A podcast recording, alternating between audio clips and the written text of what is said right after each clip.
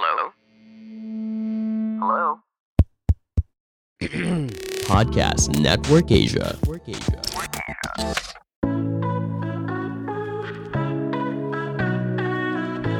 Selamat datang di AS Talk. Anissa Steviani Talk, podcast mingguan. Temanmu berbagi cerita seputar parenting, keuangan, dan perempuan yang relatable dan semoga bisa mencerahkan.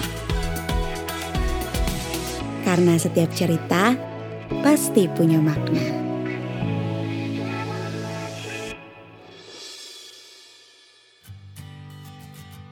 AS Talk didukung oleh Podcast Network Asia.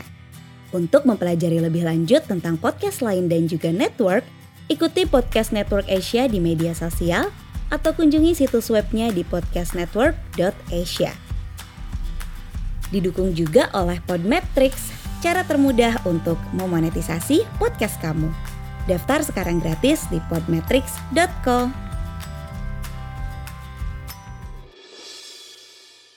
Boleh gak sih ngutang untuk bayar sekolah anak? Karena kan katanya kalau sekolahnya bagus, nanti pendidikannya bagus, kurikulumnya bagus, networkingnya bagus, fasilitasnya bagus. Ngutang aja kali ya buat bayar sekolah anak. Aku adalah satu orang yang kayaknya sampai berbusa-busa yang ngomongin pentingnya pendidikan karena aku percaya banget satu hal yang bisa mengangkat derajat kamu sebagai manusia itu adalah pendidikan. Kamu bisa bawa keluarga kamu yang dulunya mungkin miskin jadi di kelas menengah karena kamu kuliah. Karena kamu mengenyam pendidikan. Jadi seolah-olah pendidikan itu segalanya banget ya, tapi kalau aku sih agak kurang setuju apalagi kalau perlu berutang. Karena yang pertama, pendidikan itu sebetulnya bukan sesuatu yang mengejutkan. Gak ada tuh cerita tiba-tiba harus bayar sekolah tuh gak ada. Karena begitu kamu hamil ya otomatis udah ada deadline ini langsung si anak kapan harus bayar SD, SMP, SMA, kuliah. Jadi bukan sesuatu yang bikin kaget si kakak harus masuk SMA ternyata mahal loh.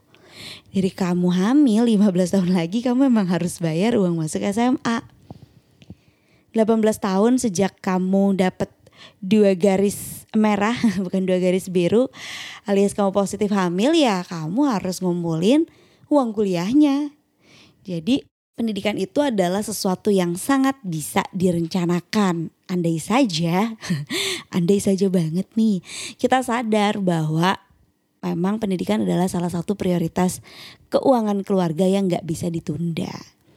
Yang gimana pun kita nggak bisa nih bilang sama si anak untuk nanti dulu ya kak sekolahnya. Dua tahun lagi aja masuk SD-nya soalnya mama nggak punya uang daripada mama ngutang. Mendingan kamu nanti aja dulu sekolahnya kan? Tidak mungkin. Jadi memang disiapkan sedini mungkin secepat mungkin. Kenapa? Karena mahal.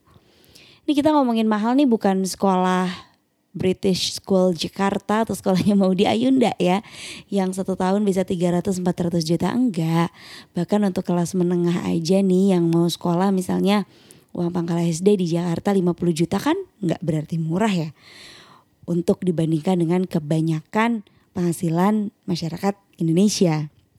Nah tapi kenapa aku nggak setuju kalau sekolah itu ngutang karena opsinya banyak.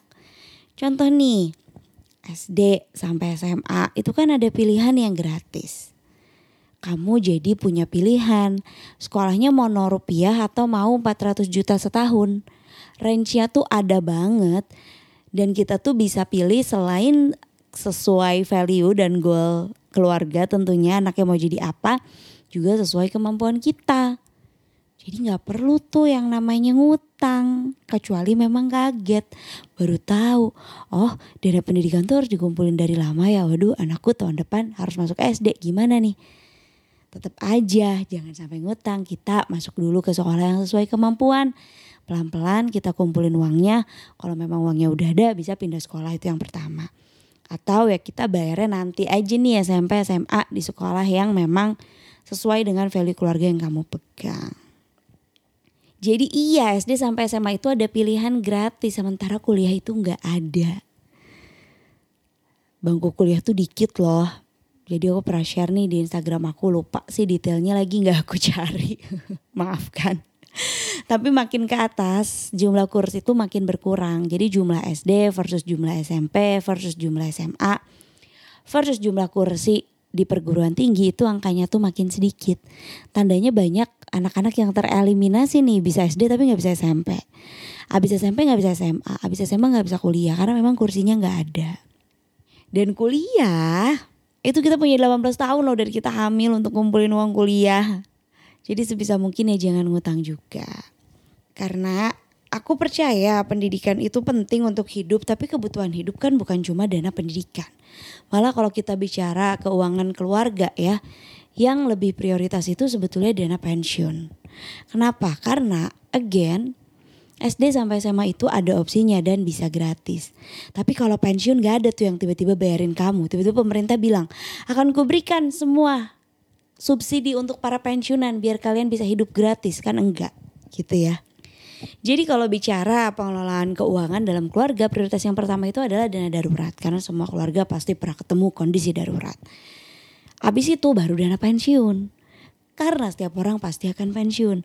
Mau kerja seumur hidup juga biasanya nih kondisi fisiknya juga yang gak memungkinkan gitu udah capek banget gak sanggup nih kalau harus kerja terus setelah itu baru dana pendidikan jadi jangan sampai mati-matian demi sekolah anak tapi di masa depan anak yang udah kita sekolahin jadi harus menghidupi kita itu kan berat juga buat si anak dia jadinya sandwich generation deh harus menghidupi dirinya sendiri keluarganya sendiri dan juga harus menghidupi orang tua Makanya dana pensiun dulu karena nggak bakal ada yang subsidi kayak yang aku bilang tadi. Baru dana pendidikan. Aku ulangi lagi, pendidikan penting untuk hidup, tapi kebutuhan hidup bukan cuma dana pendidikan. Oke, tapi di luar negeri kan ada student loan, kayaknya ngutang buat kuliah itu umum banget ya, betul. Jadi ngutang untuk kuliah itu memang bukan hal yang baru, bukan hal yang aneh gitu ya. Tapi kalau menurut aku anaknya harus dilibatkan dan anak yang kita omongin ini nih anak umurnya 18 tahun udah siap kuliah kayaknya udah gede banget tapi pengambilan keputusannya belum sesempurna itu. Jadi yang harus kita pertimbangkan adalah ngutangnya ke mana? Lalu siapa yang akan bayar?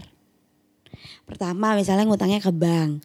Kita sebagai orang tuanya bisa gak sih memastikan pembayaran utangnya tepat waktu?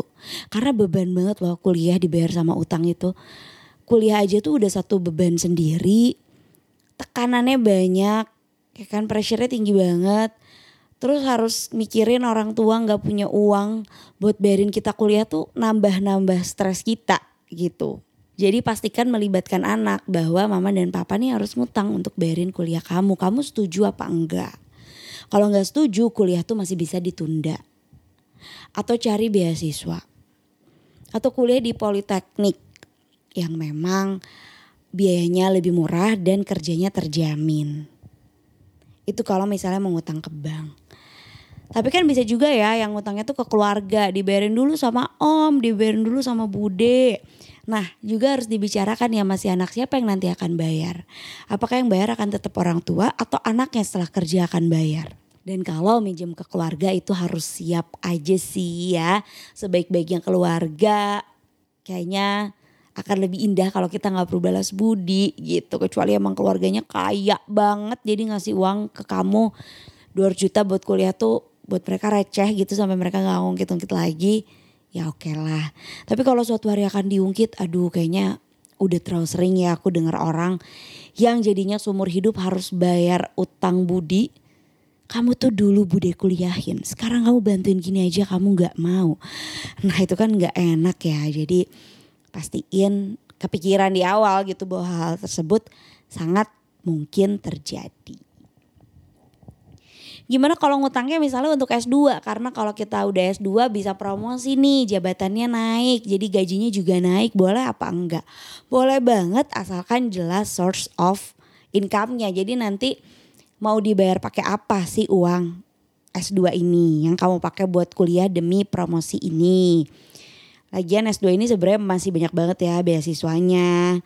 Tapi kalau kamu mager nyari beasiswa ya udah boleh ngutang asal proporsi total utang kamu, cicilan kamu termasuk cicilan rumah, cicilan mobil, cicilan sekolah itu nggak lebih dari 30% dari penghasilan. Aku ingetin lagi kenapa nggak boleh lebih dari 30% karena hidup dengan 70% penghasilan itu berat. Kalau kamu hidup dengan 50% penghasilan berat kecuali memang cukup bisa jadi. Tapi kalau kamu jadinya nggak bisa investasi yang lain coba dipertimbangkan ulang untuk cari beasiswa aja. Jadi lagi-lagi aku sih percaya sekolah itu seperti juga pembelian lainnya harus banget sesuai kemampuan. Tapi lagi-lagi mungkin ada kondisi tertentu yang mengharuskan kamu untuk berutang. Jadi dipikirkan baik-baik aja. Bayarnya gimana, bayarnya ke siapa, ngutangnya ke mana. Dan siapkah akan balas budi karena efeknya belum tentu dalam bentuk uang juga. Sebel banget ya kalau utang-utang budi dibahasnya seumur hidup nih kita bayarin uangnya cash lunas aja tuh tetap kamu dulu. Om pinjemin lo uang, sekarang kamu gak mau bantu kan males ya denger ya. Gitu aja sih sebenarnya nggak terlalu panjang juga pembahasannya. Hmm, semangat untuk teman-teman yang sedang ngumpulin uang SD, SMP, SMA. Aku paham banget rasanya pengen ngasih pendidikan yang terbaik buat anak, apalagi kalau udah nyangkut-nyangkut value keluarga, udah nyangkut-nyangkut karakter anak, gaya belajar anak kayak kita tuh pengen ngasih yang cocok banget ya segala-galanya sama kita tapi ada apa enggak uangnya? Makanya disiapin dari jauh-jauh hari. Kalau bisa disiapin dari hamil bagus. Kalau baru bisa disiapin sekarang juga bagus. Tapi jangan last minute banget karena sayang aja sih sekolah zaman sekarang udah beda sama zaman dulu. Pilihannya banyak jadi kalau kita punya uang yang cukup untuk bisa memilih tentu akan lebih menyenangkan Segitu aja dari aku, aku mau ngingetin juga nih di Spotify itu kan ada fitur bintang atau rating. Jadi kalian bisa kasih bintang 1 sampai 5, aku harap sih kasihnya 5 ke podcast AS Talk. Jadi uh, aku juga lebih semangat untuk bikin podcastnya dan buat teman-teman yang mau cerita curhat yang aku akan bahas di podcast bisa email ke talk at anisast.com t a l k at anisast.n com. See you di podcast selanjutnya. Bye. Pandangan dan opini yang disampaikan oleh kreator podcast, host, dan tamu tidak mencerminkan kebijakan resmi dan bagian dari podcast Network Asia. Setiap konten yang disampaikan mereka di dalam podcast adalah opini mereka sendiri dan tidak bermaksud untuk merugikan agama, grup etnik, perkumpulan, organisasi, perusahaan, perorangan, atau siapa pun dan apa pun.